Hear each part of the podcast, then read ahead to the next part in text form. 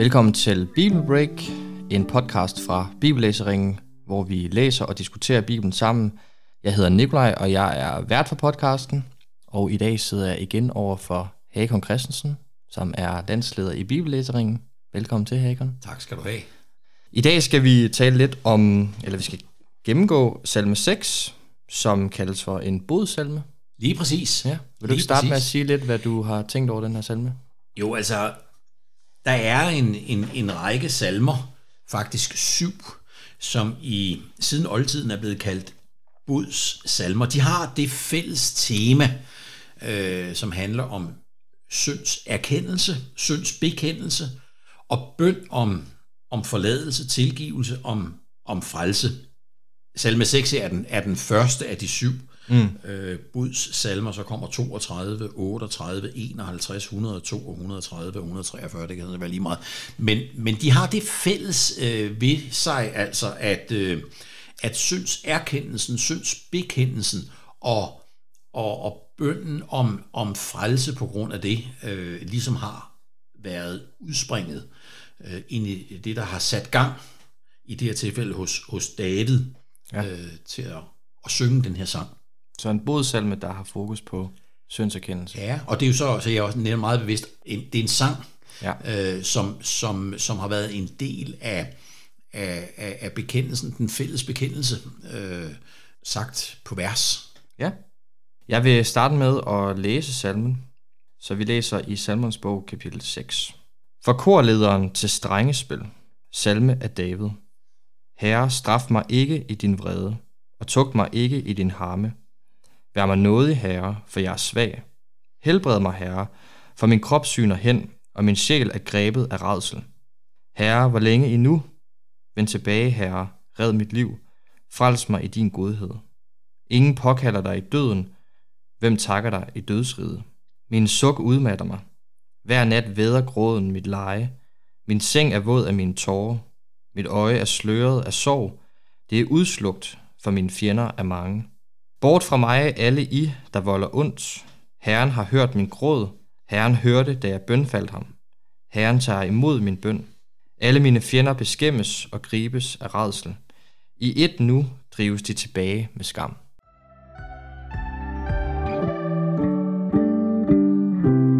Hvad øh, tænker du på, når, når vi læser salmen, Hagen?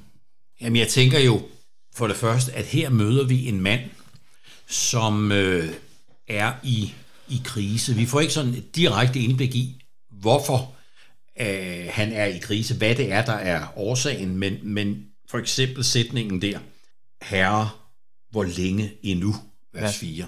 Ja. Øh, han bærer tydeligvis på en byrde, nogle byrder, som er for tunge, og han har båret på dem for længe, mm. synes han. Og øh, det vender han sig så øh, til, til Herren med. Om det er konkret synd øh, i hans liv, der tynger ham, om det er sygdom øh, eller konflikter og nogen, der står om efter livet, det øh, får vi ikke helt øh, klarhed over. Men, men at han er presset, kommer også til udtryk i, at, at vi her møder en af de sjældne gange i Bibelen, hvor vi, der direkte står om et menneske, der græder. Okay. Altså, hver nat, hver syv, væder gråden mit leje, min seng er våd af mine tårer. Det er dog noget. ja. Ikke? Øh, så, så, så det er, en, det er en, en, en, øh, en stor smerte øh, for ham. Men, men han er jo også en, der viser os, hvad gør vi, når livet er sådan? Hvad det end er, der tynger os. Vi går til Herren. Ja. Men indledningsvis, altså allerede i vers 2, der står der, at Herre, straf mig ikke i din vrede, og tugt mig ikke i din harme. Hvad tænker du på det? Her tænker jeg, at her får vi præsenteret en, en side af, af, af Guds væsen, Guds hellighed, øh, som grundlæggende er meget positivt, men som kalder på også en protest i mig. Okay. Nemlig at Gud skulle være en Gud, der straffer, er vred, Herre, straf mig ikke i din vrede. Jamen, er det da en risiko? Er der noget i mig, der siger. Og ja, øh, dybest set er Gud lykkeligvis en Gud, der straffer. og bliver vred over al synd og uretfærdighed i den her verden. Det er på den ene side meget, meget lykkeligt, og på den, meget, meget, øh, på den anden side meget skræmmende. Mm. Øh, når jeg vil sige, at det er meget, meget lykkeligt, at vi her møder det tema, at Gud han er en straffende øh, Gud, der bliver vred, øh, så er det jo fordi, det er jo det, vi også selv kender egentlig fra denne verden, når vi møder uretfærdighed. Ja, at nogen skal straffe. Ja, altså det er hele vores øh, system, eller domstolssystem, øh, bygget op om, at samfundet straffer den, der begår en forbrydelse, ikke? Ja, vi ikke selv skal ud og begå. Lige præcis. Ja. Og at når nogen er, gør noget forkert, truer eller er onde mod for eksempel mine børn, så bliver jeg vred. Ja. Det er en positiv vrede. Øh, det er en retfærdig vrede. Øh, og, øh, og det ligger dybt i vores hele samfundsstruktur og vores tænkning, at den, der begår en lovovertrædelse, skal have sin retmæssige straf. Det er det, der også på det store metaplan kendetegner Gud.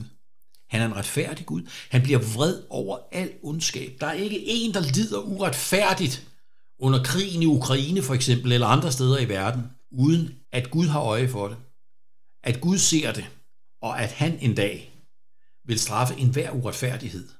Og så kommer så øh, den næste step i det, ikke? at det her er jo, David lærer os her, at det her er jo ikke bare noget, der sker på en armslængdes afstand fra mig. Nej, det er tæt på. Altså, det der fremkalder Guds vrede, er en ondskab, der bor inde i ham selv. Ja. Derfor er han i risikozonen for at blive straffet af Guds vrede. Men hvad tænker du så, når der står i vers 5, Vend tilbage, herre, red mit liv, frels mig i din godhed. Er det så, fordi han ikke selv har, altså at han ikke kan indse den synd, som er i ham, eller den ondskab, den uretfærdighed, der er i ham, eller hvad, hvad tænker du ligesom i det her med, at, at herren skal vende tilbage til David? Jamen, jeg tænker, at der ligger den her mærkelighed i det, at ret forstået, så er herren Davids største trussel. Ja. Guds vrede er Davids største trussel. Og redningen fra Guds vrede er Gud selv også. Ja. Håbet ligger øh, hos Gud. Vi har mødt det tidligere i, i salmernes bog i kapitel, kapitel 2, hvor der står, vi læste sådan, så taler han til dem i sin vrede om Herren, og i, øh, i kapitel 2 og vers, vers 12, Kys hans fødder i redsel, ellers bliver han vred, når I går til grunde, for hans vrede blusser hurtigt op. Og det er altså en side af Guds, vi kunne sige Guds hellighed, at han lykkeligvis ikke finder sig i det onde, men må straffe det. Problemet er, at synden, der fremkalder Guds vrede, er ikke længere fra mig, end den bor i mit hjerte. Nej. har sit udgangspunkt der. Og så kommer jo håbløshedens øh, snigende ind, ikke? For hvad håb er der så i mødet med, med, Guds, øh, med Guds vrede. Det er et tema, det her med Guds vrede, faktisk igennem hele øh, salmernes bog. Vi møder det øh, nogle af 80 gange, faktisk. Jeg talte lige op bare i, i salme 78, der, der talte jeg øh, syv gange op, hvor, hvor salmisten, der har skrevet den på et meget kort øh, sted, taler om, eller meget kort tekstafsnit, sætter over på det. Vers 21. Jeg hørte Herren, og blev vred, og ild blussede op mod Jakob. En vrede rejste sig mod Israel, vers 31. Da Guds vrede rejste sig mod dem. Det kalder på en protest hos mig et eller andet sted. Er Gud da ikke kærlighed? Jo, men kærligheden bliver vred i mødet med ondskab. Og ligesom vi kender det fra samfundet, at vi, vi straffer ondskab, ikke? så er der altså en side af Gud her, at han straffer al synd og ondskab og øh, det, er, det er noget af det, der ryster David her og får gråden frem, tror jeg. Men som så også, som du siger, han ved, hvor han skal gå hen med det. Vend tilbage, her, red mit liv, vers 5. Frels mig i din godhed. Men når der så i vers 7 og 8 står, at mine suk udmatter mig, hver nat våder gråden mit leje, min seng er våd af mine tårer, mit øje er sløret af sorg, det er udslugt, for mine fjender er mange. Tænker du så, at den ondskab, som du lige har beskrevet, som bor i os alle sammen, at det er, altså, det er den indre ondskab, han tænker med de fjender, som der er beskrevet så mange her? Det, øh, det, øh, det er ikke nogen ydre fjender. Det kan meget vel både være det ene og det, og det, og det andet. Vi har i, i nogle af de kapitler, vi lige har øh, været igennem, for eksempel kapitel 3, der er det, der, den er, den er skrevet ud af en konkret situation, hvor han flygter fra sin søn Absalon. Om, om, han, om han simpelthen er, har en, en, en kræftsygdom, eller en dødelig sygdom, øh, som, som er med til at udmatte ham her, det kan, øh, det kan, øh, det kan sagtens øh, være. Det ved vi, vi, vi ikke. Men temaet i hvert fald stikker dybere end, han, end de ydre omstændigheder. Men altså det der med sygdom, det er jo også det, man kunne få et indtryk af, når man læser vers 3, altså helbred mig herre, for min krop syner hen. Måske har han også haft en alvorlig sygdom, Ja. øh, da, han, da, han, øh, da han skrev det her, og han øh, taler om, at ingen påkalder dig i døden og dødsriget. Ikke? Han ser muligvis døden øh, inden for en overskuelig øh, fremtid i sin, øh, i sin horisont. Og hvad er håbet da, når han samtidig ved om sig selv, at han er under Guds vrede og straf, hvis han øh, stiller op en til en mod Gud. Så fjenderne, de kan ligesom forstås bredere, kan man sige. De er både måske vores, altså en konkret fysisk sygdom, men det kan også være vores egen åndelighed, som på en eller anden måde nogle gange kan, kan modarbejde vores forhold til Gud. Og så kan det være alt det udenom, altså de ting, som fratager os vores forbindelse og vores relation til Gud. Det, øh, det, øh, det kan det være. Jeg tror, at jeg, jeg, jeg tænker her, at, at det er nærliggende at mene, at, at David er, er ramt af sygdom her, og, og det er et af aspekt i det, og det kalder så hele hans eksistens og hele hans relation til Gud øh, frem. Og, øh, og så kommer jo bønden, som er hans øh, svar, som vi også skal tage med i dag her, altså I vers 9. Vær mig nådig, herre. Altså, den vrede Gud er den nådige Gud. Det er den nådige Gud, der frelser mig fra den vrede Gud. Det er Davids eneste øh, håb. Jeg synes ja. også, at man kan tage med her, at, at herre, han, han bruger hele otte gange ordet Herren. Ja. Otte gange. Og Herren er jo øh, pagtsnavnet, det der understreger, når det bliver brugt i det gamle testamente, det understreger den trofaste, den ordholdende øh, Gud. Herrens navn er et fæstningstårn. Den retfærdige løber ind i det og er i sikkerhed, står der i ordsprogene kapitel 18 og vers 10. Det er jo, det er jo Davids håb i det her. Og så kommer hans øh, egen konklusion i det her, at øh, om end han spørger, Herre, hvor længe endnu, så får han jo faktisk svar i vers 10. Herren hørte, da jeg bønfaldt ham. Herren tager imod min bøn. Ingen, som vender sig til Herren, bliver til skamme. Og det siger jo noget, netop også noget om altså bøndens troværdighed, kan man sige. Det er, at, at vi kan virkelig stole på, at, at Herren griber ind, eller at Gud griber ind, når han hører vores bøn. Ja, det kan vi, og så, og så synes jeg også, at, det, at, at vi her i et større bibelsk perspektiv får et glimt af den frelse i Jesus Kristus, som, som Gud har fundet, øh, fundet frem. Fordi når Gud kan være nådig mod en sønder, mm.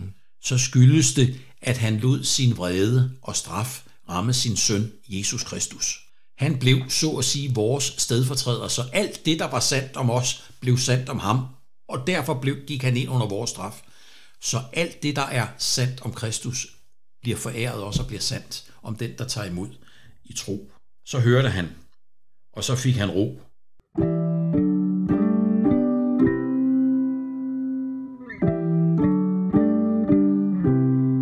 Er det så også sådan, du tænker, vi skal bruge den her salme i vores, i vores liv? Jeg tænker, at vi skal bruge den her salme til for det første og, øh, og, og, og tage ind, at Herren er en hellig Gud, der straffer al ondskab. Og der er ingen rabat. Vi skal tage ind, at jeg er en synder. Vi skal tage ind, at han har straffet min synd. Hans hellige vrede ramte Jesus på korset. Ja. Og derfor kan han vende sig til os og redde vores liv. Derfor kan han frelse mig i din godhed, står der i vers 5. Guds godhed, den ser vi først og sidst i Jesus Kristus. Netop det, at Gud han er så hellig, så at sige, det forstærker ligesom netop også budskabet om, at han virkelig er den retfærdige Gud. Det forstærker på en eller anden måde troværdigheden i, at han er den retfærdige, når han netop er så hellig. Nytestamentet har et ord, som jeg måske skulle afslutte med fra 1. Thessalonikerbrev kapitel 5 Gerne. og vers 9. For Gud har ikke bestemt os til at rammes af hans vrede, men til at opnå frelsen ved vor Herre Jesus Kristus. Det var Guds bestemmelse, det var Guds plan for David, og det er det for et hvert menneske. Jeg synes, vi skal slutte med det. Tak fordi I har lyttet til den her episode af Bible Break. Husk, at I kan finde flere episoder af Bible Break på jeres foretrukne podcastplatform, og hvis I kunne tænke jer at vide mere om det arbejde, som Hakon ellers sidder med i Bibellæseringen, så kan I gå ind på blr.dk. Tak for nu, og vi ses i næste episode.